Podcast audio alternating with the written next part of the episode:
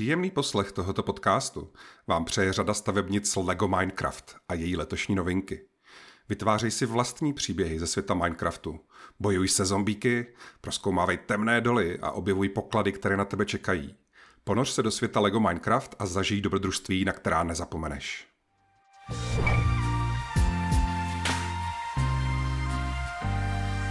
Tohle je Zing Podcast, díl 86. Se mnou Martinem Zavřelem a s Janem Urbančíkem. Ahoj Hanzo. Ahoj. S Pavlínou Nouzovou. Ahoj Pájo. Ahoj. A s Danielem Jarockým. Ahoj Dane. Ahoj. Tak uh, ti pozornější naši diváci, posluchači, tak možná zaznamenali, že jsme minulý týden Zing Podcast vynechali. Um, bylo to kromě jiného kvůli uh, událostem v reálném světě, kterým uh, se samozřejmě ti z nás, kdo zároveň dělají klasickou neherní novinařinu, uh, museli věnovat. Pohromadě s tím, že ten díl uh, Zing podcastu předtím byl uh, taky o poměrně nepříjemných tématech, tak jsme si říkali, že teď je teda na čase si to konečně vynahradit, protože samozřejmě hrajeme hry, jako nějakou formu eskapismu, utíkáme do nich před uh, tou nepříjemnou realitou a podobně. Takže ten dnešní díl bude opravdu celý jenom o skvělých nových hrách, uh, které hrajeme. Tak uh, pojďme na to. Tak první hra, který se budeme tady v tomto podcastu dneska věnovat, je nový díl z úplně masivní série, který ale předem vlastně sliboval, že se vrátí úplně ke kořenům a začátkům. A vlastně se ukázalo, že ten slib ku podivu vůbec eh, nebyla žádná lež, eh, nakonec se i naplnil. A řeč je teda o novém dílu Assassin's Creed eh, s podtitulem Mirage, což je díl, který se odehrává v Bagdádu před asi 1100 lety Eh, původně to mělo být eh, DLC k poslednímu dílu předtím, což byla Valhalla, takové to vikingské vybíjení eh, v Anglii a v Norsku.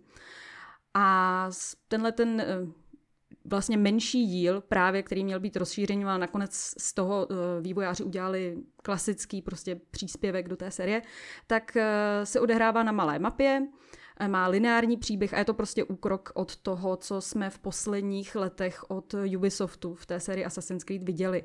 Což byly vlastně poslední tři díly, které měly hodně RPG prvků, měly otevřený svět, eh, bylo tam hodně snahy o takové jako volby v, ve vedlejších questech, byla tam i romance často a podobně.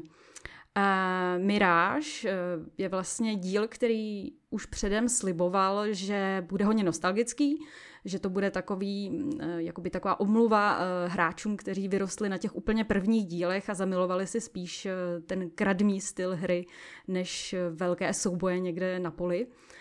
A opravdu je to tam, je tam velký důraz na stealth, stejně jako třeba v těch prvních dílech s Eciem nebo předtím ještě s Altérem. Eh, opravdu je tam soubojový systém, který je omezenější než eh, v těch předchozích dílech. Eh, úkoly na mapě jsou spíš zaměřené zase na to, že máte někam prolíst, proplížit se po cestě, kuchnout pár chudáků a na konci něco ukrást a zdrhnout. Jsou tam prvky jako kapsářství nebo to, že si máte sednout někam na lavičku a nenápadně odposlouchávat. Roste tam notoričnost, já tenhle překlad úplně nemám ráda, ale asi tušíte, o co jde, prostě čím víc zabijete lidí, tím víc se o vás na ulici mluví a musíte s tím nějak pracovat. Můžete, tam, můžete se schovávat v kasenách, v budkách a podobně. E, to je vlastně ta hlavní náplň celé té hry, ale samozřejmě tam e, i to, co takový ten, ten, to, co bylo v těch starých dílech dobré a v těch novějších, neříkám, že to bylo špatný, ale prostě byl, ne, nebyla ta snaha úplně to tam mít nějak eh, ve velkém. A tím je parkour a šplhání. Parkour tím, že vlastně ten hlavní hrdina Basim pobíhá po Bagrádu, který není nějaké úplně velkoměsto, zároveň ty budovy jsou trochu nižší, ale třeba tři patra mají, tak právě běhá po těchto těch střížkách. Různě se tam může odrážet od já nevím, položených takových velkých dřevných tyčí, leze tam po žebříkách, ale různě přeskakuje. Rozhodně je ten parkour bohatší než třeba právě v té Valhale, kde člověk často běhal jako po takových doškových eh, baráčcích někde v nějaké anglické vesnici, Bůh ví kde. Eh, to samé pak to šplhání, které hodně lidí si, nebo aspoň z mýho okolí si stěžovalo, že v těch novějších dílech vlastně šplhání fungovalo tak, že držíte tlačítko a prostě ta vaše postava někam leze. Eh, vlastně jako takový Spider-Man, o kterém možná ještě dneska bude řeč. Eh, kdežto v té miráži opravdu musíte hledat nějaké úchyty, kterých, který využije ten váš hrdina, aby se dostal výš. Není to jenom prostě to tupé držení jednoho tlačítka a hledění na vršek nějaké věže. Eh, a pak hlavně ta mapa zase. Je to podobné starším dílům v tom, že odhrává se to prostě v jednom městě, které má nějaké okolí, konkrétně ta poušť samozřejmě v případě Bagdádu, to jinak ani nejde. Eh, ale ten Bagdád je prostě uzavřené město, které má nějaké čtvrti, ale funguje samo o sobě. Není to tak, že byste museli cestovat napříč, eh, já nevím, Afrikou, světem Ázií a podobně. Eh, v rámci toho Bagdádu prostě pak plníte nějaké úkoly. Tady už jako trochu narážíme na limity té hry. A to, že vlastně to opravdu původně mělo být délce, nebo myslím si, že v tomhle je to vidět asi nejvíce, Eh, ta hra je poměrně plochá, co se týče příběhu. Jistě, hlavní hrdina Basim, toho známe už z Valhaly, pokud jste někdo hráli. Eh, to je takový ten, a teďka kdo to nehrál a chce si to zahrát, tak si zacpe uši. Eh, je to takový ten tajemný asasín, který se tam vetře do přízně hlavního hrdiny nebo hrdinky a postupně se ukáže, že to úplně není tak jednoduchý člověk. Je to ve skutečnosti Eh, jak to říct? No je to prostě eh, Bůh, je, je to eh, jeden z těch isů, o kterých eh, slycháme vlastně už úplně od začátku celé té série. Ale e, příběh v Miráži se odehrává v době, kdy Basim je ještě Basim. Je to prostě obyčejný zlodějíček, který se postupně propracovává v rámci toho řádu. E, ještě ne tehdy asasínu, ale prostě řádu. A buduje si nějakou e, prestiž. A jinak jako kromě toho vlastně ten příběh moc nenabízí. Popíháte po Bagdádu, eh, zabíjíte nepřátele a bráníte jim jakoby v, v rozmachu v tom městě. A to vám zabere asi tak 20 hodin a vlastně nic víc dalšího se nestane. Ale ten gameplay, jak jsem už říkala, je úplně výborný. A třeba pro mě to je to, co jsem na tom Assassinovi chtěla, jak klidně přimhouřím jedno oko, nebo možná i dvě nad tím příběhem. Já nevím, jak jsi to měl ty, Martine, ale pro mě ten gameplay je prostě to, co toho asasína dělá asasínem. No, uh, já právě už jako při tom hraní, tak jsem vlastně celou dobu přemýšlel nad tím, že jako na jednu stranu dost rozumím nějak uh, jakoby takovým těm kritikům nejenom Assassin's Creed, ale možná i celkově některých těch věcí od Ubisoftu, že jsem se jako moc dobře uvědomoval, že vlastně dělám ty samé věci, které jsem dělal skoro ve všech těch hrách, jo, že a, takový to prostě najdu, kde je ta lokace, prohlídnu si ji zvenčí, otaguju si stráže, vytipuju si nějakou trasu, vplížím se dovnitř, snažím se zlikvidovat postupně ze zvrchu dolů, aby mě náhodou někdo neviděl ze zvrchu, zatímco já něco dělám dole. Prostě jakože že ten, ten loop i ty nástroje jsou vlastně napříč tou sérií samozřejmě s nějakýma lehkýma obměněma prostě uh, pořád jako stejný. Um, a tak jako rozumím tomu, když někdo jako říká, že jsou ty Ubisoftí šampiony, to už jsme hráli moc krát a prostě proč jako toto, ale uh, zároveň uh, druhá půlka jakoby mýho mozku mě říkala, ty no to furt funguje, furt je to prostě zábava, jo? to je to samé, jak můžete říct, že proč jako by si někdo zahrál 79. díl Call of Duty, když ve všech 78 dílech běhal s puškou a střílel. Jo? No prostě uh, OK, jako to jádro toho, o čem ta hra je, i vlastně ty související mechaniky, tak jsou prostě daný, ale důležitý je samozřejmě ten kontext a ty nuance. Jo? Pro mě třeba velká jakoby, věc v tom kontextu byl ten Bagdád sám o sobě, který tak, jak to prostě Assassin's Creed vždycky perfektně uměl, všechny ty hry, tak jako ta atmosféra toho že jste jako na nějakým reálném místě, v nějakým konkrétním období v historii se vším, co k tomu patří. Prostě od toho, jak to vypadá, přes to, jak to zní, po to, jak to voní. Ale jakože, jo, prostě eh, na mě to jako hrozně fungovalo a přesně ty věci, co jsem popisoval s tím, jako oblídnout si lokaci prostě zvenčí a pak se tam jako vplížit a teď jako vyřezovat a tak dál, tak to všechno mě jako pořád vlastně hodně bavilo. Jo. Jedna věc, co třeba se mě hodně líbí konkrétně na tom Miráži, a nejsem si jistý, že všechny asasiny to řešili takhle jako poctivě, tak je, že po té, co vy tam uděláte tu věc, proč jste tam přišli, že třeba někoho teda jako strašně cool prostě zaasasinujete, protože tam je to jak se to snaží jako přiblížit těm starším dílům, tak ty asasinace samotné jsou, že jako samozřejmě můžete udělat jako random na nějakém místě, co si vyberete, ale většinou, tak jak třeba v Hitman sérii, tak je tam někde nějaká příležitost použít něco třeba v tom prostředí nějakým jako šíleným způsobem, kdy ten, ten kill je prostě extra spicy. No. A e, to, co jsem chtěl říct, že se mi jako líbí, že právě po té, co člověk udělá ten zločin, tak ale ještě se musí z toho místa dostat. Jo, a mm-hmm. uh, to je taky challenge, že jo? taky jako někdy v reakci třeba na tu smrt uh, nebo nějaký takovýhle věci, tak se vlastně může stát, že celá ta lokace se teda jako propadne do toho poplachu a přibíhají tam prostě posily a, a podobné věci. Měli jste třeba, oni jsou tady zase po nějaký době konečně převleky, byť jich není moc, tak když tam jsou, tak většinou ta mise, co s tím je spojená, obzvlášť ten harem teda, tak to je prostě naprosto, naprosto skvělý. A vlastně tady ty věci jako ve chvíli, kdy dokončíte tu misi, tak ono přestanou fungovat a vy se fakt musíte nějak jako dostat ven.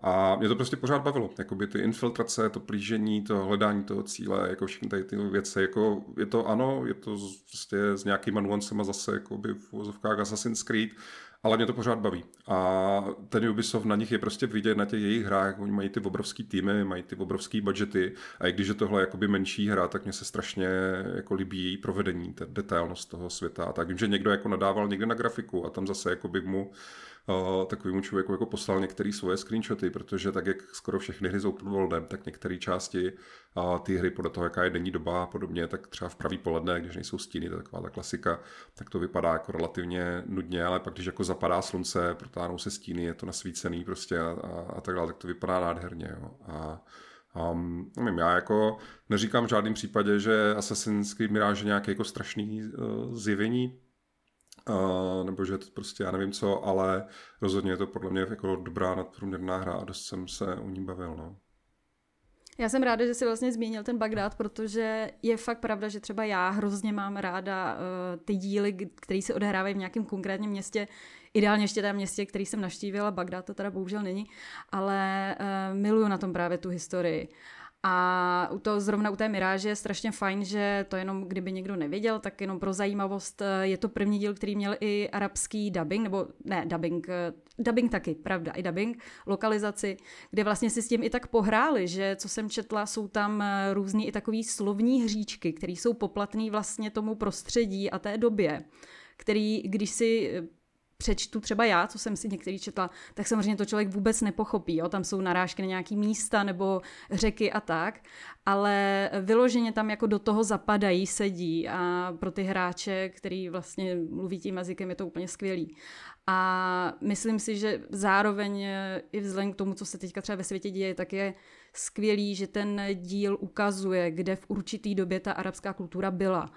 Byla uh, dá se říct fakt jako na vrcholu. Je tam uh, úžasný, jak tam člověk může si poslechnout nebo přečíst si některé zápisky o tehdejší astronomii.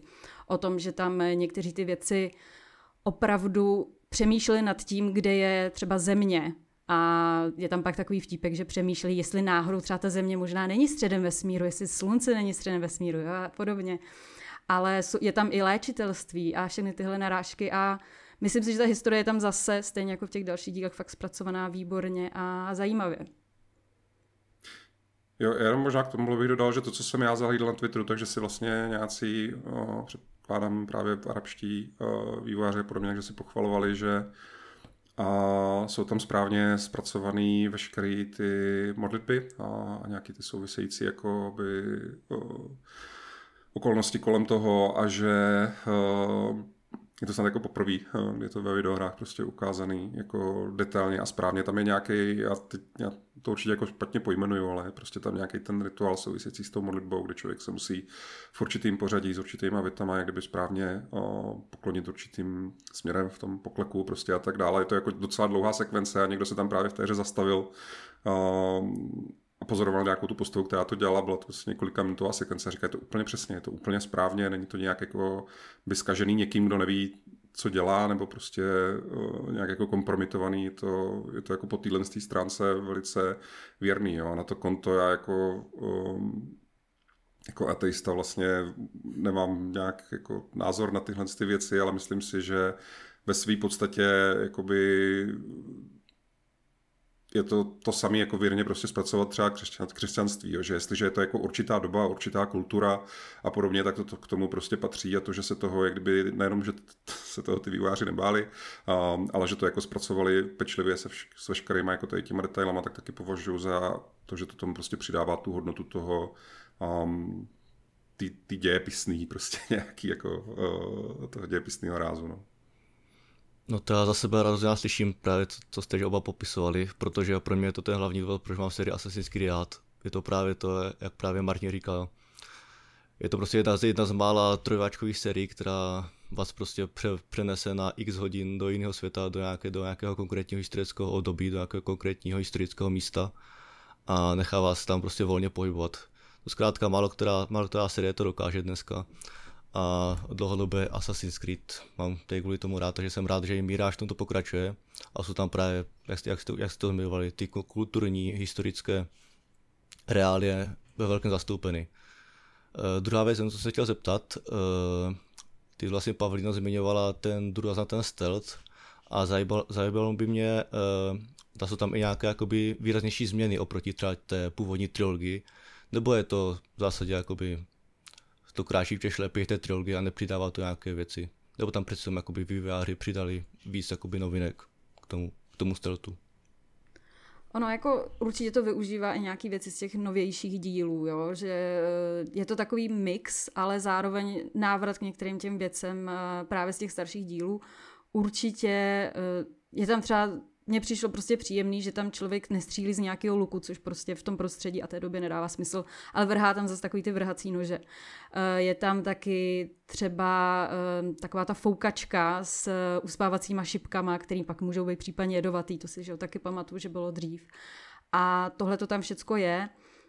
Zároveň ale třeba prvek, který přesně využiješ ve steltu vlastně, ale z těch novějších dílů, je takový ten orel, který ho tady Basim taky má, může ho prostě vyslat do vzduchu, Orel to očíhne a jako ano, vlastně je to dost nerealistický, ale tak už jsme se na to zvykli. Ten Orel mu jakoby řekne, kde třeba se schovává, eh, já nevím, nějaký nepřítel nebo kde je vlez dovnitř a tak. Eh, tam bych jenom poznamenala, že vlastně oproti minimálně Valhalla, já myslím, že to spíš používá to Orla jako ten předchozí díl, jako ta Odysa, eh, nebo Odyssey. Eh, ten Orel je zase jako užitečný. Jo? On, co jsem hrála Valhallu někdy v létě, tak si pamatuju, že to, toho ptáka jsem úplně neměla moc v lásce, protože on prostě jenom vzletěl a nic neuměl, byl úplně nemožný. Když to tady fakt jako ti vlastně k tomu steltu pomůže. Jako můžeš si to tím paradoxně až zkazit, jak si to můžeš udělat jednoduchý díky tomu, že fakt jako ten Orel dokáže vidět úplně všechno, pokud se ho nějak vylepšíš. Ale abych prostě odpověděla na to, co se ptal, tak je to fakt jako mix vlastně. Využívá to ty staré prvky, přesně ty odposlechy, kapsářství, prostě pokud někomu chceš ukrást, já nevím, nebo potřebuješ o něj něco získat, nějakou mapu třeba, nebo klíč, můžeš ho prostě klasicky jenom vzít, nikoho nezabíjet a běžet dál. Ale jsou tam takovýhle jako řekla bych ty lepší prvky z těch, nebo lepší, eh, to zase ne, ale takový ty, ty plížící prvky z těch eh, novějších RPG dílů, no. No já ještě navážu na to, co jste tady říkali o těch uh, historických věcech, protože t- taky se přijám k tomu, že je to ten hlavní důvod, proč uh, vůbec jako jsem Assassin's Creed hrál, jakože jsem těch dílů hrál docela dost, jakkoliv se nepovažuji za nějakého jako fanouška, Uh, především kvůli tomu jako gameplay. Um, ten styl je fajn, potom už jako se moc nelíbil ten, to, kam to šlo později, ať už je to především teda ta Valhalla, protože to bylo extrémně dlouhé, jako myslím, že si to nikdy asi nezahraju. uh, takže jako ocenil jsem i tenhle návrat jakoby ke staršímu pojetí, na druhou stranu třeba zrovna, zrovna tohle jakoby období a zasazení mi není nějak úplně blízké, jakkoliv třeba fascinující právě to, jak jste říkala, různé ty jako vědecké objevy, protože tehdy skutečně ten arabský svět byl tak nějak na, na tom vrcholu a byl rozhodně mnohem, mnohem dál, než vlastně tady, tady v Evropě, co se týče těchto věcí ale uh, není to jako nějaká úplně věc, na, na, kterou se nějak podrobněji uh, zabývám. Každopádně jsem rád, že to tam je aspoň jako dobře zpracované a na tom si vždycky dávali záležet. To je, říkám, to je ten důvod, proč, proč jsem ty hry hrál, když jsem se mohl přenést prostě do, do americké války za nezávislost, do francouzské revoluce, viktoriánské Anglie a tak dále. Prostě tohle jsou všechno super, eh, super období a je to velice dobře zpracované. ale upřímně všechno, co jsem zatím o, o Miráži jako slyšel, tak mě asi úplně nepřimělo si to zahrát a myslím, že vzhledem k tomu, kolik her vychází, tak se k tomu stejně asi nedostanu.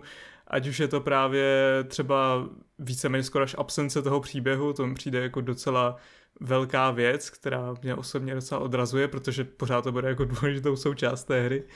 Uh, ať už je to ten gameplay, kde teda jako nejsou nějaké úplně závratné novinky, je to pořád jako víceméně to samé. A je to třeba i to, řekněme, technické zpracování a grafika, protože si myslím, že už by to mohli někam posunout.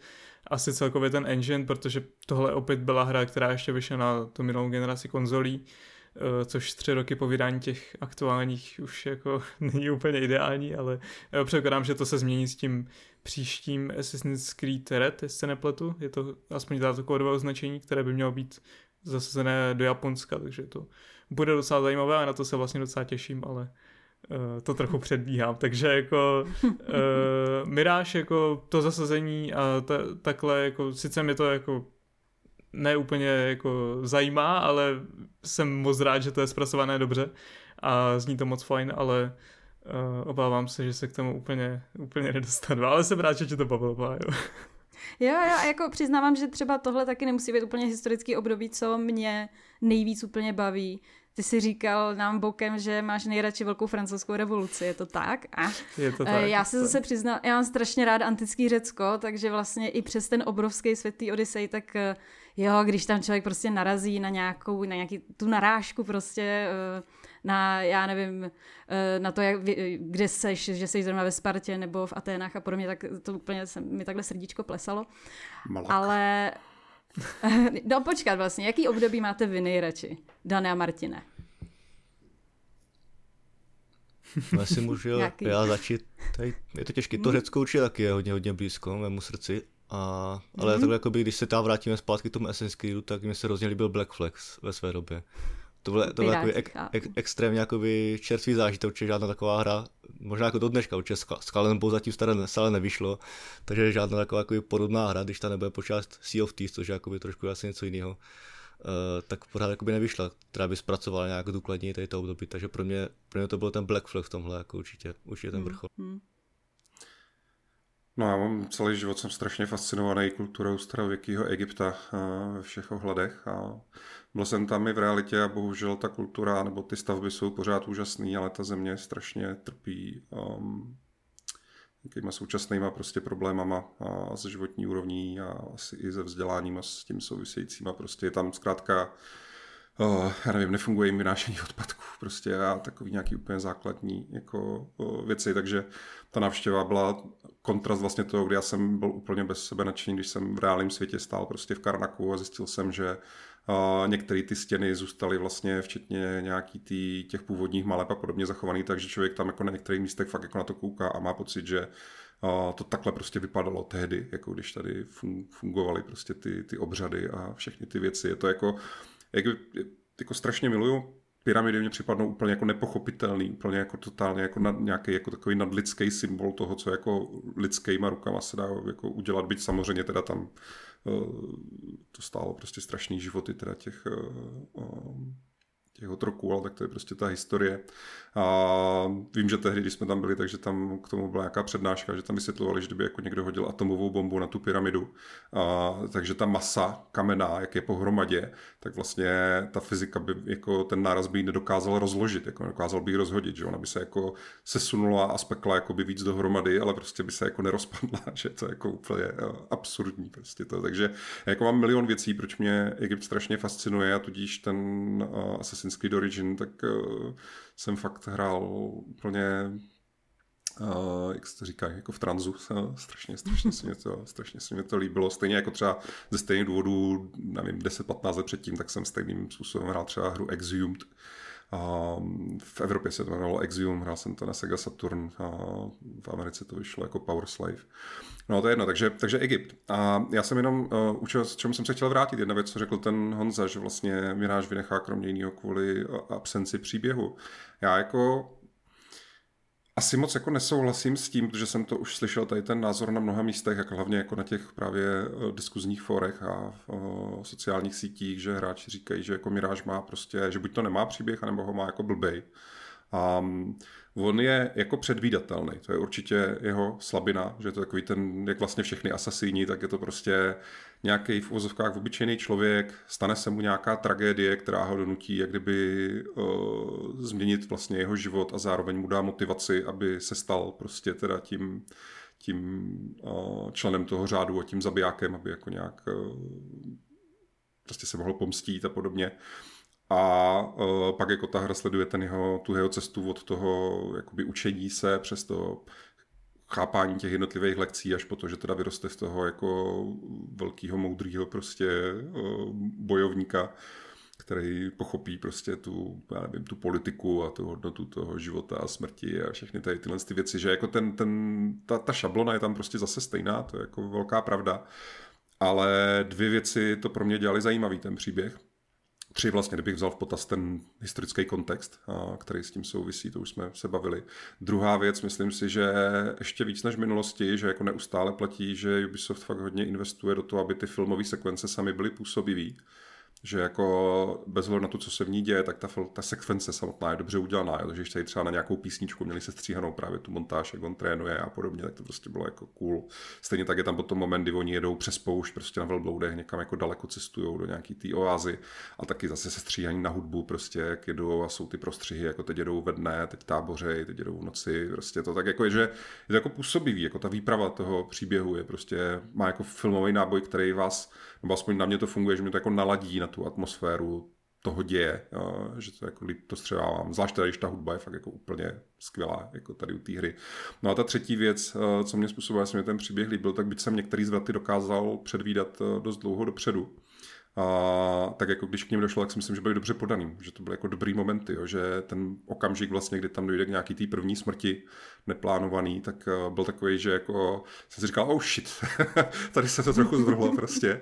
Uh, a stejně tak jako ke konci, vlastně tam je moment, kdy vy tam máte jakoby kamarádku z dětství, já to teda řeknu bez spoilerů, jo, jako bez, bez obav, byť jako tohle dobou už to asi fanoušci mají dohraný, ale stejně to řeknu bez spoilerů.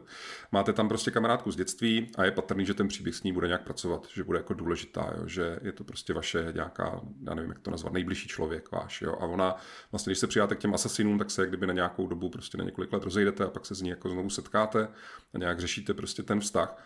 A ona tam jako v jednom momentu, zhruba v polovině hry, tak řekne něco, a jako větu, která má být taková jako zdálivě nápadná. Ale já když jsem tu větu slyšel, tak jsem úplně přesně věděl, jak to s ní dopadne. Že jsem jako přesně jako věděl, proč tam tu větu dali, že bylo úplně jasný, prostě, co s tou postavou jako uh, udělají a taky, že jo.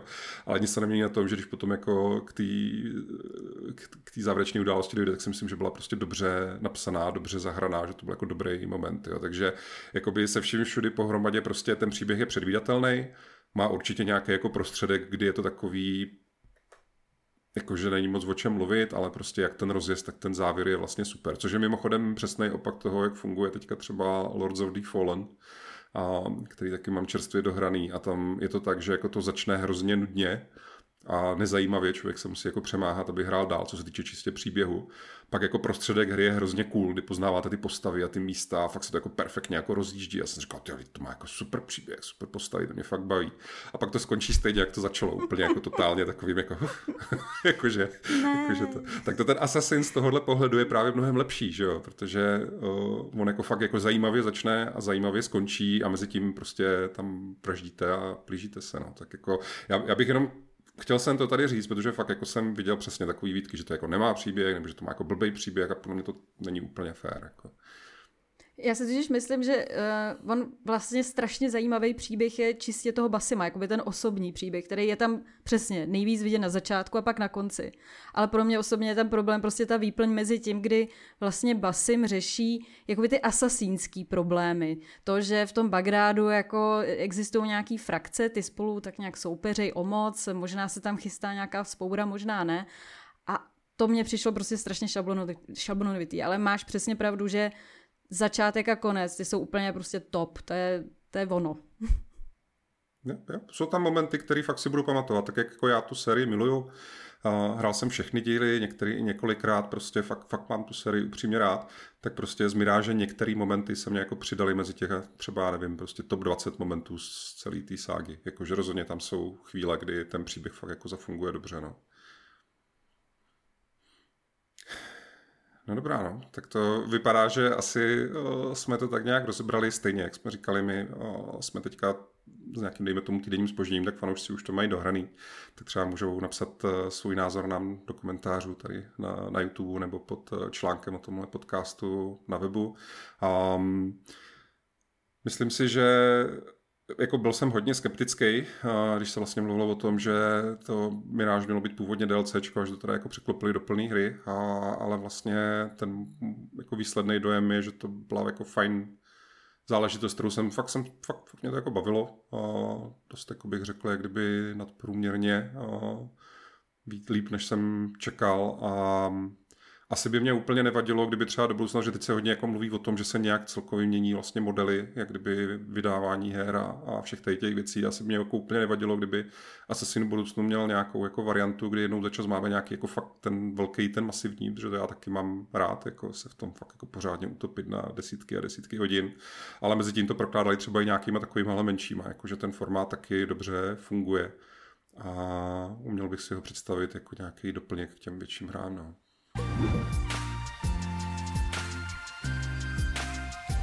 Z Bagdádu se můžeme přesunout rovnou na závodní okruh, protože si budeme povídat o nově vydané Forze Motorsport od Microsoftu a studia Turn Na nový díl jsme se fanoušci závodu hodně načekali, protože od dosud posledního sedmého dílu nás už dělí dlouhý 6 let.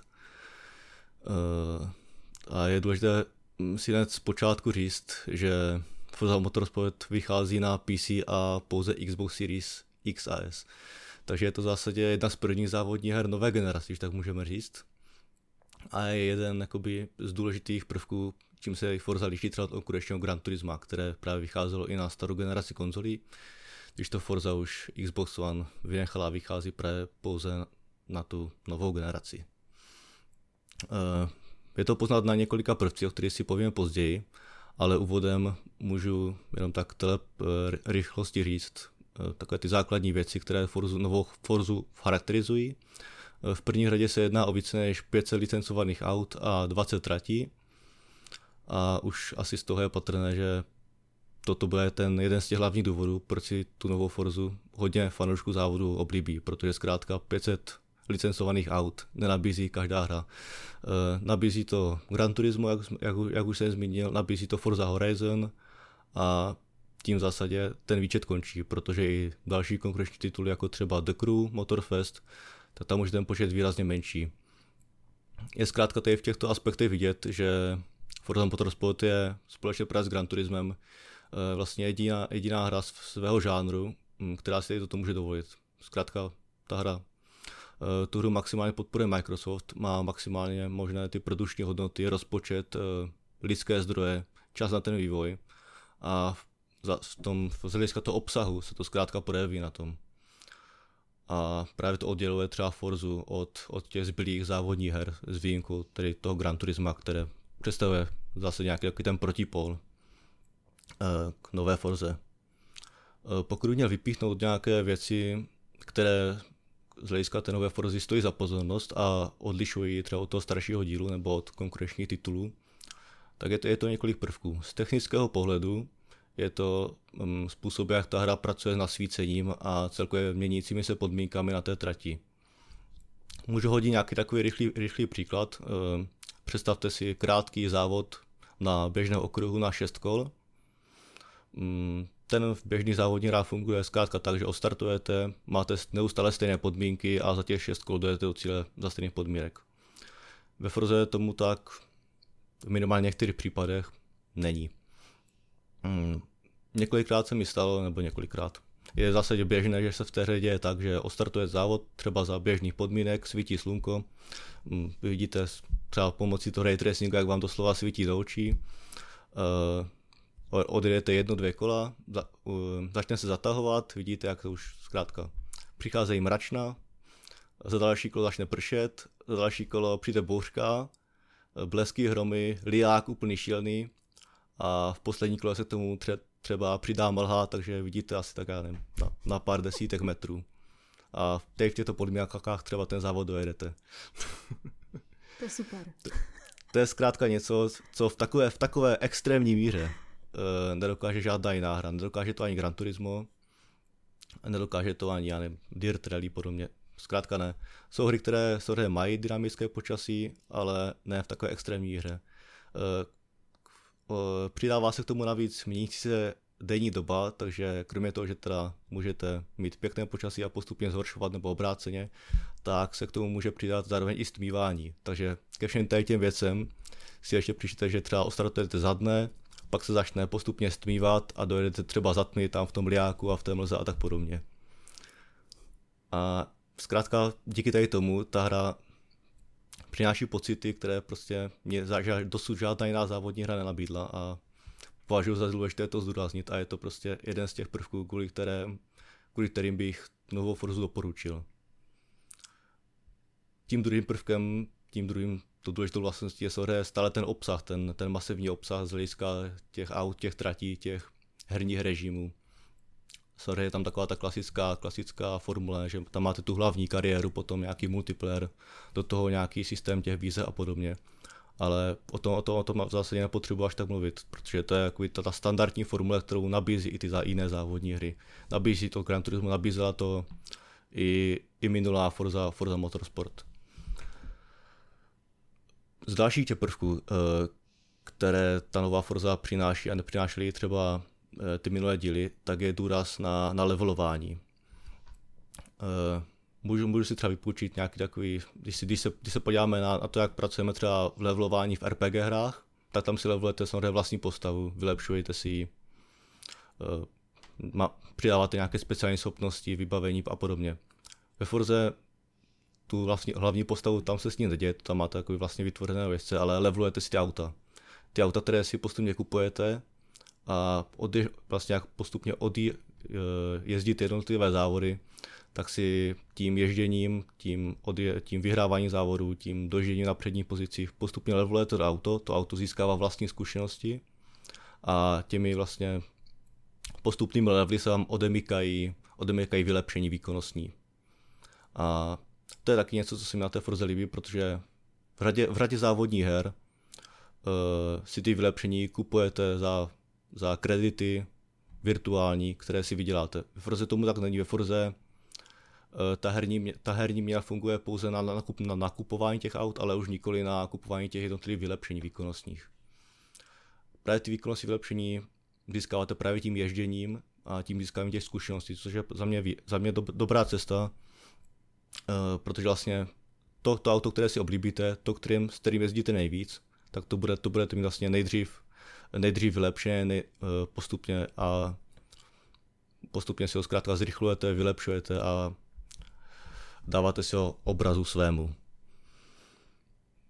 Eh, pokud bych měl zmínit nějaké věci, co se mi na té hře nelíbí, tak v první řadě je potřeba zmínit, že tady máme nějaké problémy s PC verzi. Já jsem ta celou tu hru hrál na Xboxu Series X a zase jsem až na nějaké úplně drobnosti v podobě třeba horšího vyhlazování nebo problémy nějakého problikávání z hlediska dohlednosti, dílčí problém, tak jsem narazil na, na žádný výrazný problém. Ta hra má tři na té, tedy, jak jsem říkal, konzoli Xbox Series X má tři zobrazovací režimy. První je klasický jakoby výkonnostní, kde nabízí 60 fps a v kombinaci bez, bez ray tracingu a s nějakým dynamickým 4K rozlišením, které se tam může měnit. Potom je tam režim vizuální, který osobně nedoporučuji, protože tam je, tam je lock na 30 fps, což za mě u závodních her mm, nemá vůbec smysl hrát. To za mě prostě závodní her ve 300 fps Eh, párkrát, párkrát jsem tomu byl, toho byl nucen, nucen, nucen v minulosti zahrát si nějaké hry ve 30 FPS závodní a ten zážitek jde bohužel rapidně dolů. Takže tento režim upřímně nedoporučuji. Potom je tam ještě teda třetí režim, eh, který kombinuje uh, jakoby ten výkonnostní režim uh, ještě s ray tracingem, takže máte jakoby 60 fps, ray tracing a nějaké dynamické nižší možná rozlišení, které padá pod těch 4K nějakým upscalingem a podobně. To je za mě taková možná ideální kombinace právě a dobrá alternativa k tomu výkonnostnímu režimu, takže právě bych volil mezi těmi, těmi dvěma výkonnostními režimy. Ale bohužel právě právě ta hra neběží úplně dobře na PC a že právě Martin to hodně sledoval, tady ten problém, takže si to může něco podrobněji říct. No, eh, já jako chtěl bych to okomentovat z toho pohledu, že vlastně Forza je samozřejmě velká událost. A je to velká událost nejenom teda pro fanoušky závodních her, ale Um, řekněme si prostě na rovinu, že je to velká událost i pro fanoušky Xboxu, uh, protože když se řeší takovýto téma, jako jestli má Xbox dostatek velkých her uh, loni, letos a podobně, um, tak prostě často jsou to tady tyhle ty tituly, jako je třeba ta Forza nebo třeba Microsoft Flight Simulator, na který se jako ukazuje, ale tohle je hra, která je prostě gigantická, super kvalitní, super obrovská, super úspěšná, super nádherná, prostě jako takovou hru by chtěli všechny platformy. Jo, takže a je to prostě velká událost, takže samozřejmě tím mám jako zasypaný každý den prostě timeliny uh, na sociálních médiích a forech, který sleduju. A jedna z věcí, co tam hodně vyskakuje, tak je vlastně, že lidi vedle sebe postují dva screenshoty. Jeden je screenshot uh, hodnocení uživatelů hry na Steamu, a vedle toho je screenshot eh, průměrného hodnocení té samé hry recenzentů na Metacritic nebo OpenCritic. A je to tak, že vlastně na tom Steamu, naposledy, když jsem to viděl, tak se to už jako delší dobu drželo na smíšené, což je jako okolo nějakých, eh, prostě myslím, že to bylo okolo snad dokonce právě nějakých 50-60%. Um, Zatímco ty recenze těch recenzentů se všechny vlastně pohybují nad nějakýma 80%, 84 momentálně na PC, 85 na Xboxu, jsou ty průměrný na Metacritic. No a samozřejmě tady pod těma dvouma screenshotama všichni jako rozebíjejí, nevěřte herních novinářům, prostě podívejte, oni tady říkají, že ta hra je dobrá a podívejte, tady lidi na Steamu říkají, že je blbá prostě, jo.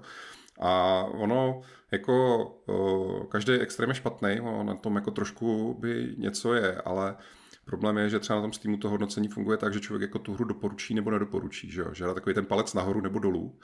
A jestliže ta hra je prostě bohužel jako technicky ve špatném stavu a vám se zrovna stane, jste se na ní těšili, jsou to závody, které jsou náročné prostě na nějakou jako rychlost, plynulost, všechny tady ty věci a teď vám to všelijak jako uh, zlobí a nefunguje, tak samozřejmě, že dáte ten palec dolů prostě. Jo. To je jako jedno, jak kvalitní hra se schovává za těma technickými problémama, na který vy jste narazili, vám to prostě nefunguje, takže dáte palec dolů. Jo. Takže je to takový, potřeba se tím jako trošičku zamyslet, trošičku se na to podívat, odkud a jak tam ty čísla prostě tečou. Protože já třeba zase hrozně dám na to, že o, tady Dan je náš jako velký redakční expert na závodní hry v tom smyslu, že nejenom, že všechny recenzuje, ale když náhodou recen, ne, nerecenzuje, tak je stejně hraje, jo, že i ty, který jsme třeba nerecenzovali nebo jsme třeba nedostali na recenze, tak on si stejně sám koupí. A má to tak jako snad celý život, co ho znám. Jo. A vím, že vždycky, když jsem byl svědkem nějakých jako jeho debat o těchto věcech třeba s dalšími lidmi, co tomu žánru rozumí, což bohužel nikdo z nás tří dalších tady jako úplně není. A tak prostě na něj dost dám, jo, když on tady vykládá o tom obrovském zážitku prostě s tím proměnovým počasí, o té obrovský prostě arzenálu těch jako stovek a stovek prostě aut a všechny tady tyhle ty věci, tak já jako úplně vidím, jak usvítí ty oči a říkám si, jo, prostě to, jako to jeho recenze, to jeho hodnocení dává smysl a podobně to asi budou mít i ty další recenzenti, jo, zvlášť pokud to teda na tom Xboxu, kde očividně ta hra je prostě lépe vyladěná momentálně pro tu konzoli, zatímco kde prostě ti vývojáři samozřejmě jako, jestli se nepletu, tak oni jsou interní vývojáři Microsoftu. Spadají, to spadají samozřejmě to ladili úplně jako na míru prostě tomu hardwareu, takže na té konzoli to zřejmě jako šlape velice dobře, zatímco teda na tom PC to momentálně není prostě to, co by to mělo být. No a uh, uzavřu tady tu svou jako uh, pointa tady toho mého povídání bylo něco ve smyslu, jako že není všechno tak, jak to může vypadat na první pohled a tady ty výkřiky, že jako recenzenti nadcenili tu hru a veřejnost jim to teďka jako dává sežrat, tak nejsou úplně jako fair.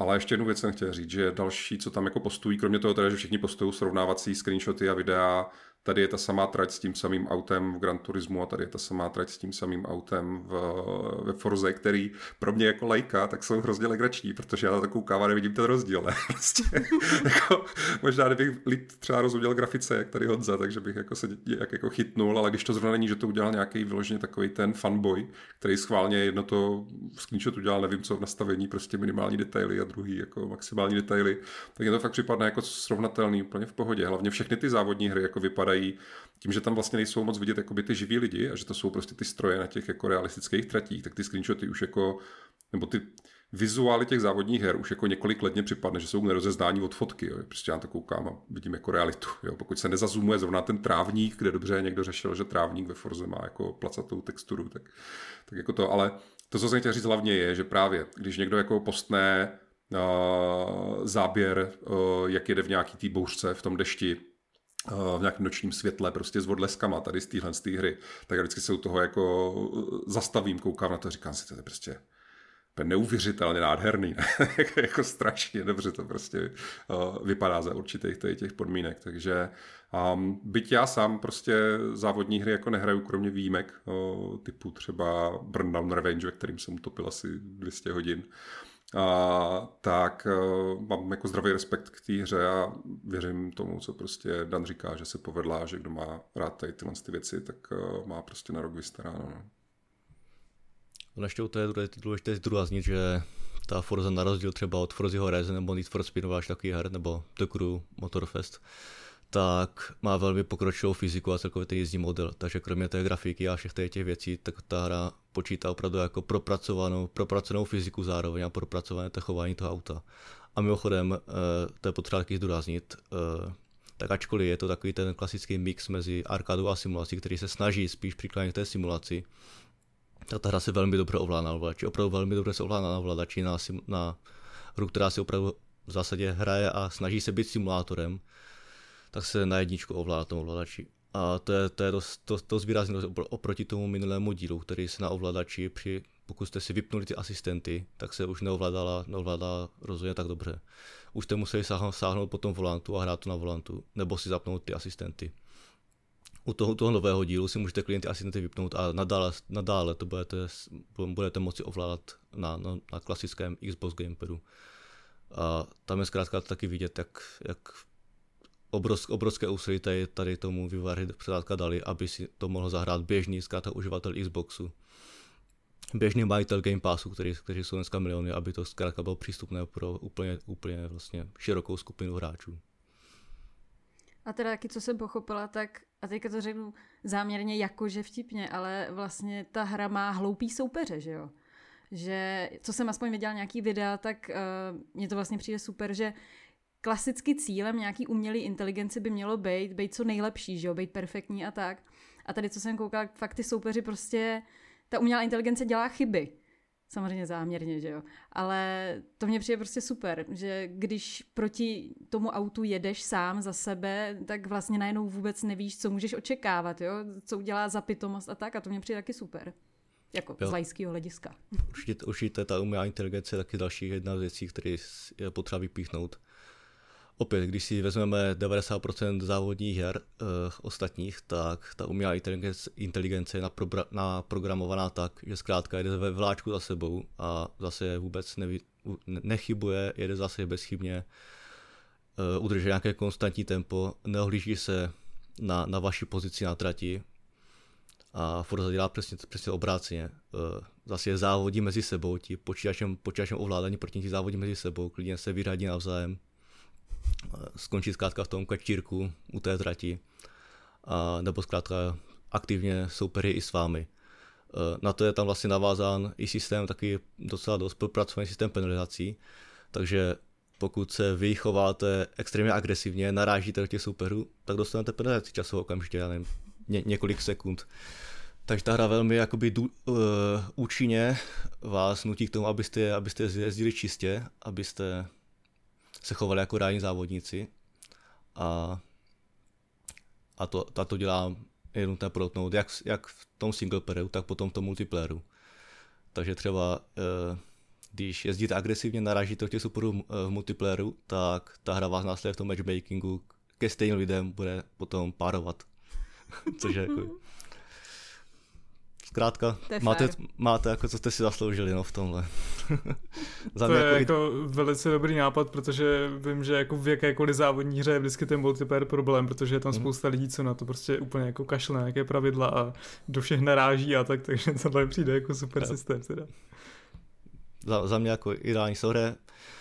Uh, ta umělá inteligence uh, taky objevilo se hrada videí, kde ta umělá inteligence dělá ty chyby, dělá až jako zvláštní věci, že třeba jako v rychle zatáčce extrémně jako rychle zabrzdí a tak, takže není, není to jako by úplně stoprocentní, je to určitě věc, která ještě je k vylepšování do budoucna a v nějakých aktualizacích právě se to vyvarají zaměří, ale celkově jsem rád, že, že zvolili tady tu riskantnější cestu místo toho aby zkrátka tam vytvořit tu, umě, tu umělou inteligenci, jako tu klasickou, která jezdí ve vláčku za sebou a nic nedělá, tak za mě tady toto je lepší varianta a do budoucna určitě jako pokročilejší a zkrátka taková ta, kterou bychom asi rádi jako v závodních hrách viděli do budoucna častěji. No.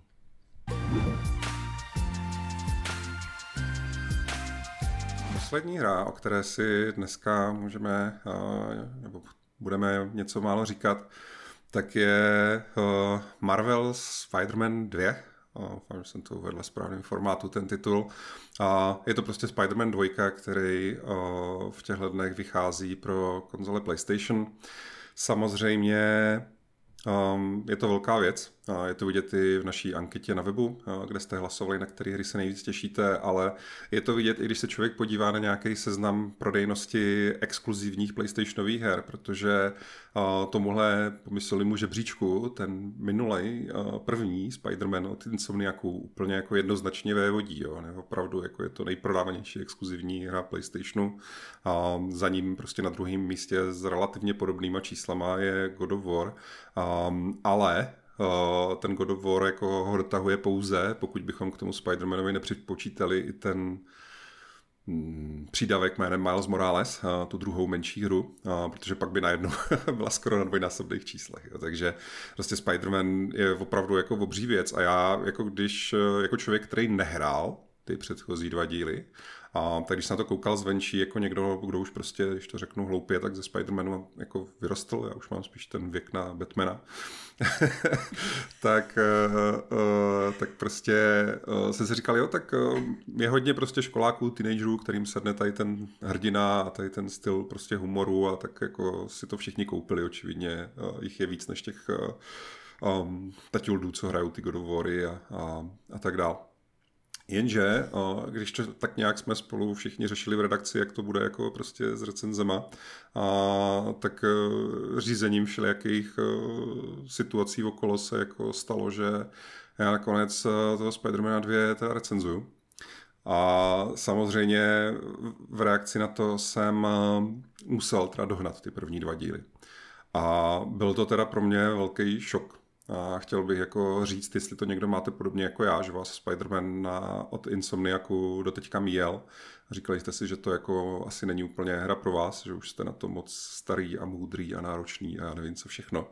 Tak na to rychle zapomeňte, protože Spider-Mani od Insomniaku jsou překvapivě takový jako dospělý příběhový věci, kde oni strašně moc stavějí na tom, že je to jako primárně příběh o těch lidech, a sekundárně ty lidi jsou teda jakože i teda navíc jako superhrdinové, ale není to, není to takový to, kde právě to v tom, já jsem ten superhrdina a tady prostě všechny dělám ty super věci a zachraňuju prostě a tak dál. To tam samozřejmě jako z hlediska hratelnosti to tam jako je, ale i z hlediska té hratelnosti je tam spousta pasáží, kde prostě ne Spidermanujete a opravdu fungujete jako normální člověk v civilním oblečení a něco tam někde prostě chodíte, řešíte, hledáte uh, a podobně.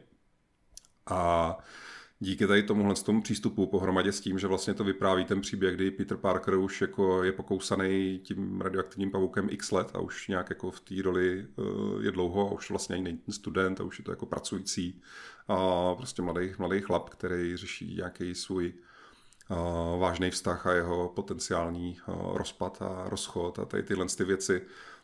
Um, tak ty situace mezi těma postavama jsou fakt jako silný. Jo? A pohromadě s tím, kolik si tam dali práce s uh, obličejovými animacemi a prostě fakt jako s citlivým scénářem a, a skvělými hereckými výkonama a podobně, tak já jako jsem si dost jako často vzpomněl spíš na nějakou hru typu jako Last of Us, jo? což um, ještě jako je podtržený tím, že vlastně v obou dvou těch dosavadních Spider-Manech, v té jedničce i v tom Miles Moralesovi, tak vlastně dojde k nějakým jako smrtem eh, nebo úmrtím vyloženě jako hlavních postav, jakože těch úplně, eh, jako ne, ne zrovna třeba té jedné úplně nejhlavnější, za kterou hrajete, ale vyloženě jako vašich nejbližších, nebo postav, který jako byste si nemysleli, že můžou jako v tom kanonu prostě zemřít.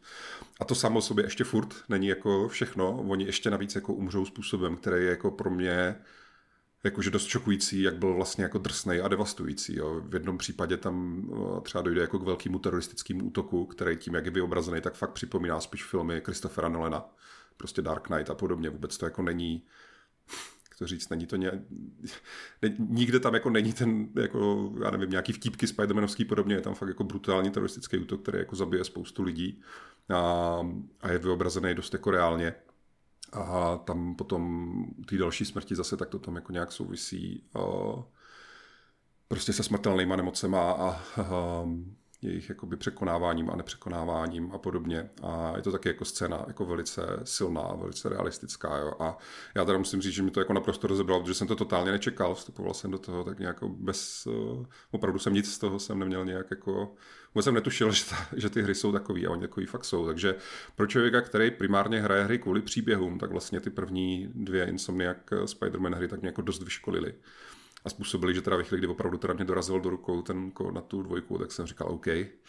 Um, to jsem zvědav, protože jak určitě víte, tak ta dvojka je o tom, že tam je kromě jiného Venom, uh, což je, uh, je tam prostě takový ten parazit, ten symbiont, který vlastně jako způsobuje, že kdo ho jako má, tak je sice jako silnější, ale zároveň to nějak jako deteruje eh, jeho psychiku prostě negativním způsobem a, a tak dále. Takže ten hrdina se pak samozřejmě potácí nějak jako mezi dobrem a zlem. Je to věc, kterou už jsme jako viděli v různých těch samozřejmě filmech, a i těch komiksech a podobně, ale teď jako v podání Insomniaku a s tím, co jsem říkal předtím o tom, jak ty jejich eh, hry jsou překvapivě drsný, tak eh, je to samozřejmě zdroj velkého příslibu. No, já jsem to hrozně obvykládával uh, do teďka. A ten jeden důvod je teda hlavně, že jsem chtěl pomoct jako lidem, kteří tu sérii do teďka měli, tak aby zbystřili. Uh, protože podle mě to jako stojí za to, i pokud uh, jinak Spider-Man nemusíte, tak jako tady toho insomniačího byste možná mu měli dát šanci. Ale hlavně my, jak zase tradičně nahráváme ten podcast trošku dopředu, uh, tak já to ještě mám dohraný. A byť v době, kdy ten podcast vychází, tak embargo už padlo a mohl bych mluvit o čemkoliv, tak já jako vzhledem k tomu, jak je ta hra hrozně příběhová, a, tak já to zatím jako nechci příliš hodnotit. Jo, to, to, o čem můžu mluvit, je, že mám dost jako problém i pro tu psanou jako recenzi, tak mám dost jako problém najít jako slovník pro to, abych vyjádřil, jak ta hra umí být bombastická. Prostě Insomniac eh, po vzoru Naughty Dog vlastně, tak eh, když udělají nějakou jakože velkou výpravnou scénu, kdy, já nevím, spolu někdo jako bojuje a přitom se bortí prostě ty budovy kolem nich a podobně, tak to fakt jako vypadá úplně neuvěřitelně. A jedna jako z jejich velkých vlastně uh, signature věcí těch i jejich starších her Insomniečích, tak je taková jako extrémní ladnost, plynulost toho všeho, že to všechno krásně na sebe navazuje, nikde není žádný zadrhnutí, prostě ty, ta akce přechází jako z jednoho místa do druhého naprosto plynulé, jsou tam, a, tak jak to právě umí třeba i Naughty Dog, že jako navazují dokonale na sebe ty filmové střihy, které pomíhají připnout mezi uh, různýma úhlama pohledu a podobně. A to jsou věci, které se hrozně špatně jako popisují, ale uh, až vlastně ta hra bude venku a budete moc vidět třeba jako, že někdo uh, ukazuje první um, prvních 10-15 minut, protože ono to jako začne velmi bombasticky, jako obrovskou bitvou prostě s jedním tím super zloduchem, tak jako pochopíte přesně, o čem mluvím, jo. A já jsem říkal, OK, tak jako otevřeli to ve velkým stylu, si vystříleli jako to nejlepší věc prostě na začátek a pak vlastně po nějakým jako tutoriálu a zpomalení, tak je hnedka další velká mise, tak jako podobně bombastická, že vlastně jako ve chvíli, kdy oni to fakt jako rozbalají ve velkým, a dochází tam nějakým těm velkým prostě akcím a tak dále. Ta hra je jako neskutečně jako výpravná, je to jako ohromná jízda pro takový ty lidi, co právě mají rádi uh, Uncharted uh, nebo God of War, tady ten styl těch jako záměrně jako filmově servírovaných extrémně um, se tomu říká, takový ty jako předskriptovaný prostě eventy všude kolem vás, že se jako účastníte, vlastně hrajete roli, jak kdyby v nějakým interaktivním filmu, ale přitom pořád ovládáte tu svoji postavičku, pořád prostě kopete, střílíte ty pavučiny, jako uh, skákáte mezi tím a tak, tak uh, je to, je to jako velký zážitek, no a Um, technicky uh, se to určitě taky jako posunulo, je tam kromě vlastně uh, nějakého toho módu s ray tracingem a podobně, tak je tam ten performance mod, ale ještě navíc je tam tentokrát uh, i ten mod prostě, kde máte něco rozumného mezi, kde vám vlastně zobrazí část toho ray tracingu, do toho vám to přepnou na VRR, variable refresh rate, pokud to vaše televize podporuje, že každý frame navíc, který to dotáhne vytáhnout, tak to v rámci toho vytáhne při zachování té kvalitní grafiky a to je jako spousta slov, jenom abych jako řekl, že jako ta hra místy jako i vizuálně vypadá a zároveň teda běží úplně neuvěřitelně. Prostě fakt je to, je to jako největší titul letošní vlastně Sony, navazuje to na jejich doposud nejlíp prodávanou exkluzivní hru a prostě to zapnete a je to tam vidět, je to tam cítit. To je prostě strašně jako, no, dobře udělaná technicky, výtvarně a, a tak dál. No a ten příběh, jak jsem říkal, já zatím nejsem na konci, jako nechci hodnotit, ale vlastně všechny ty věci, které dělal jako ty předchozí hry, tak tady na to jako plynule navazují. Um, musím říct, zastřeba byl tam jako flashback, uh, ve kterým právě hrajete za nějakého člověka, který prostě je, já nevím, v civilním oblečení, musí se někam jako proplížit a podobně, kde jako trošičku to na mě jako by bylo pomalý nebo zdlouhavý nebo tak možná, protože jsem se právě chtěl vrátit jako do těch Eh, strojících akčních věcí, ale oni to tak nějak jako z toho, co jsem, kam jsem zatím došel, tak oni to tak prostě jako dělají, že, že střídají, aby člověk neustále jako někde něco strašně jako nedemoloval a podobně, tak to střídají jako s těma klidnějšíma pasážemi, kde vám připomínají, že ty postavy jsou prostě jenom lidi a že dělají lidské věci a že mají svoje životy. Úplně, co mě jako úplně dostalo, tak je tam jedna uh, ze začátku pasáž, kdy jste prostě doma uh, s tou svou přítelkyní a zjistíte prostě, že tam máte bordel, že musíte uklidit, jo. Takže prostě chodíte a sbíráte, já nevím, nádobí prostě se uh, s kaženým jídlem a odnesete to do koše, vysypete a nabídáte do dřezu a u toho si ale ty postavy povídají a mají nějaký jako rozhovor o něčem. A je to taková jako je to taková jako, že technicky, když jako řeknu, co děláte, že jako uklízíte svůj prostě uh, barák, tak to zní jako úplně extrémně nutně, ale tím, že zároveň ty postavy si o tom povídají o věcech a vy si jako uvědomujete, nebo se dozvídáte, jak je na tom momentálně teda ten jejich vztah prostě a co si myslí o těch věcech, co se děje a podobně, tak je to jako hrozně takový jako právě lidský, jakoby přirozený způsob, jak vás jako ponořit do toho, do toho světa těch postav. Prostě, jo, že jsou to ty normální lidi, kteří dělají ty normální věci, které jsou někdy jakoby třeba nudný nebo tak, ale jsou jako patří to prostě k životu a tak. A um, je to prostě působivý. No. To samé třeba jsou tam nějaký návraty nebo uh, asi strašně opatrně, protože i, jako, i po embargu určitě jako nechci nikomu nic vyzrazit, ale jsou tam prostě jako všelijaký jako návraty a objevování se postav, který třeba jsme jako, nebo já jsem je rozhodně jako nečekal a strašně mě jako překvapili a hrozně jako příjemným způsobem, jo, že um, říkají hodně lidi, že když vlastně jako Insomniac udělá něco, nějak zpracuje nějakou látku, kterou jsme si mysleli, že už známe, a tak oni ale jako určitě zpracují tak, jak eh, jsme ji ještě neviděli a to tady teda jako docela uh, funguje z toho, co jsem, co jsem zatím odehrál, takže um, jak říkám, nechci hodnotit a nemám to bohužel během natáčení tohoto podcastu ještě dohrané, ale ty dojmy uh, jsou, jsou silné. Vypadá to, běží to skvěle, ten příběh má spoustu příslibů, ty pasáže v akční jsou úžasné, jsou tam samozřejmě nové schopnosti, nové kostýmy. Pokud jste, že vás vyloženě baví to houpání se na těch pavučinách a to šílené jako lítání tím městem a podobně, tak máte, můžete si jako mezi těma kapitolama strávit prostě spoustu času v tom městě a hledat ty všaký schovaný vedlejší mise a levelovat tím, odemykat si vlastně věci, sbírat všelijaký collectibles, že jo, to jako, a tam můžete strávit kolik času a, budete chtít.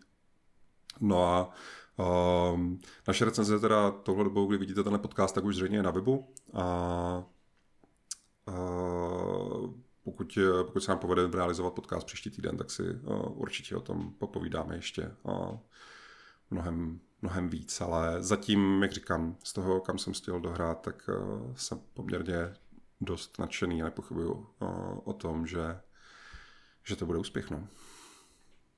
No hele, a když jsi hrál vlastně teďka nedávno i ten první díl a to Milese, tak není to moc podobný, protože já aspoň z trailerů, co jsem viděla na začátku, tak vím, že jsem byla možná trošku zlá a kritická, ale dopředu mě to prostě přišlo, že to vypadá prostě strašlivě podobně, což v případě, kdy samozřejmě se ti ten gameplay nebo tak jako líbí a hrozně tě baví, tak proč to nezopakovat, že jo? Ale upřímně za mě některé ty věci v jedničce pro mě třeba trošku drhly. Já zase takový velký fanoušek Spidermana nejsem a to jsem teda oba ty díly, ty předchozí dohrála.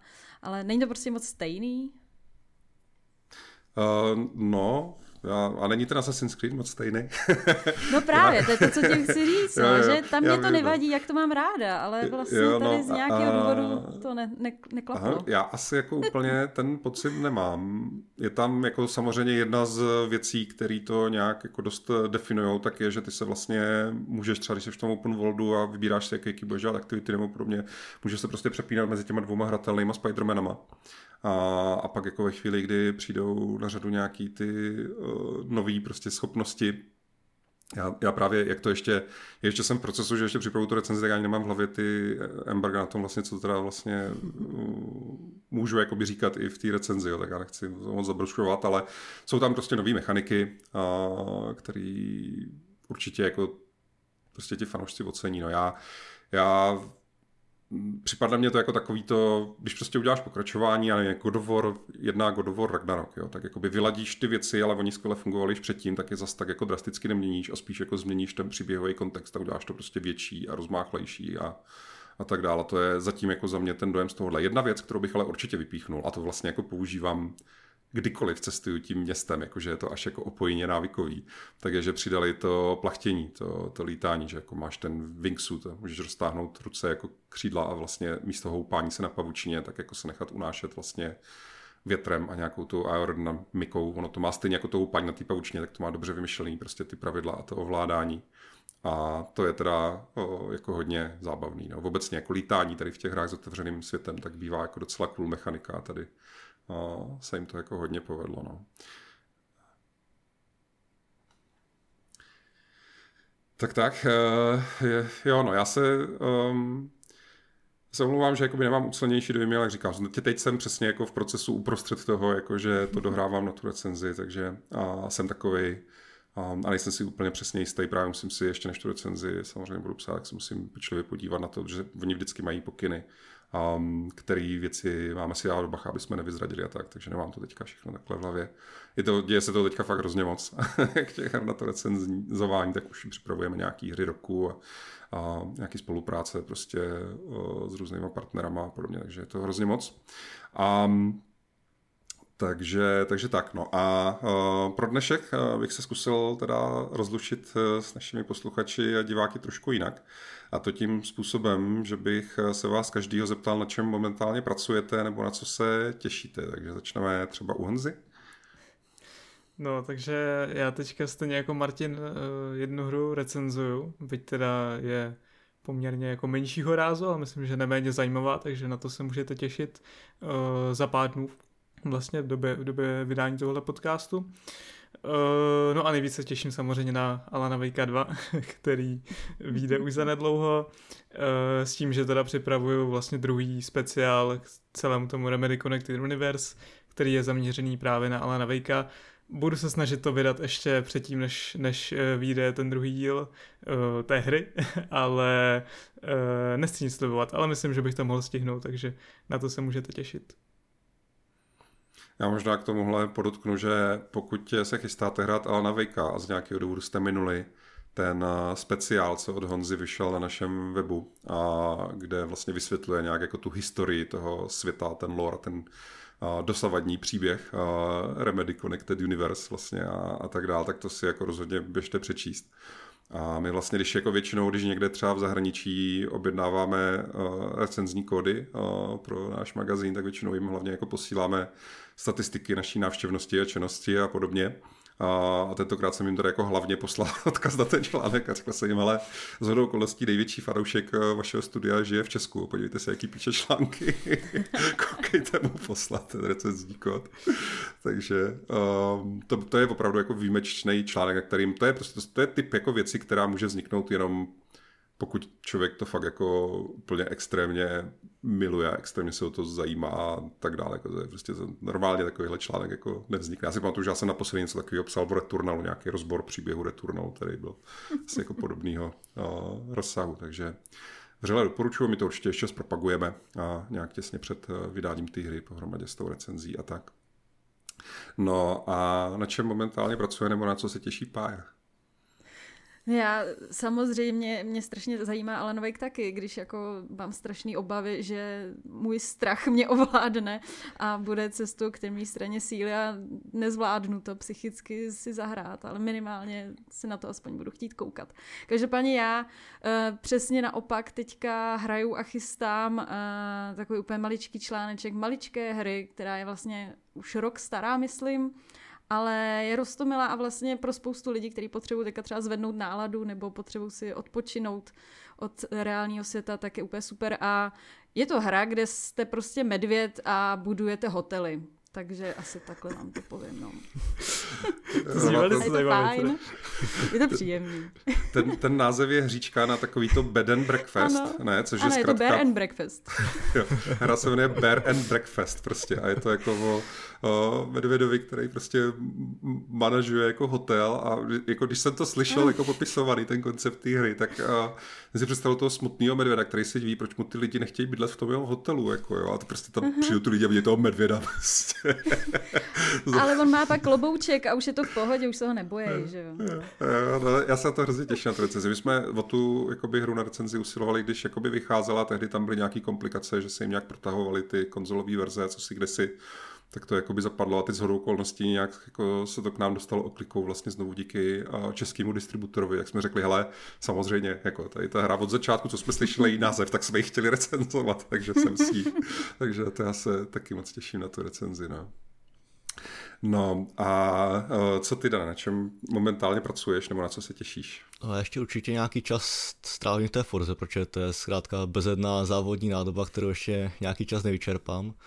No a potom by se určitě rád pustil do nového VRCčka, které vychází na přelomu října a listopadu, eh, které je zajímavé určitě tím, že po osmi letech přešlo po jiné výváře, dlouhou dobu eh, za ním stály výváry francouzští Destiny a Kyloton. A pro letošní ročník ta celá série i s tou licencí mistrovství světa v rally spadla pod EA a v Hřecku to Masters, takže tak po dlouhé době ta série teď by měla mít výrazné změny, nové, nový engine, bude to běž na Unrealu, a celkově na to, na to se hodně těším, no. Vypadá to nadějně. Já furt říkám, že je prostě důležitý mít něco, na co se člověk může těšit a připomínat si to, když se zrovna třeba něco nedaří nebo tak, tak ale máte tu věc, na kterou se můžete těšit. No. Takže tolik, tolik eh, za nás pro dnešek. Se jdeme vrátit teda k tomu uh, recenzování, k těm přípravám dalších věcí a doufáme, že i vy jste si něco z těch říjnových her uh, vybrali a skvěle se u nich bavíte a a budeme se těšit, že si o tom zase příště budeme povídat a v té době vám přejeme příjemné hraní. Ahoj. Ahoj. Ahoj.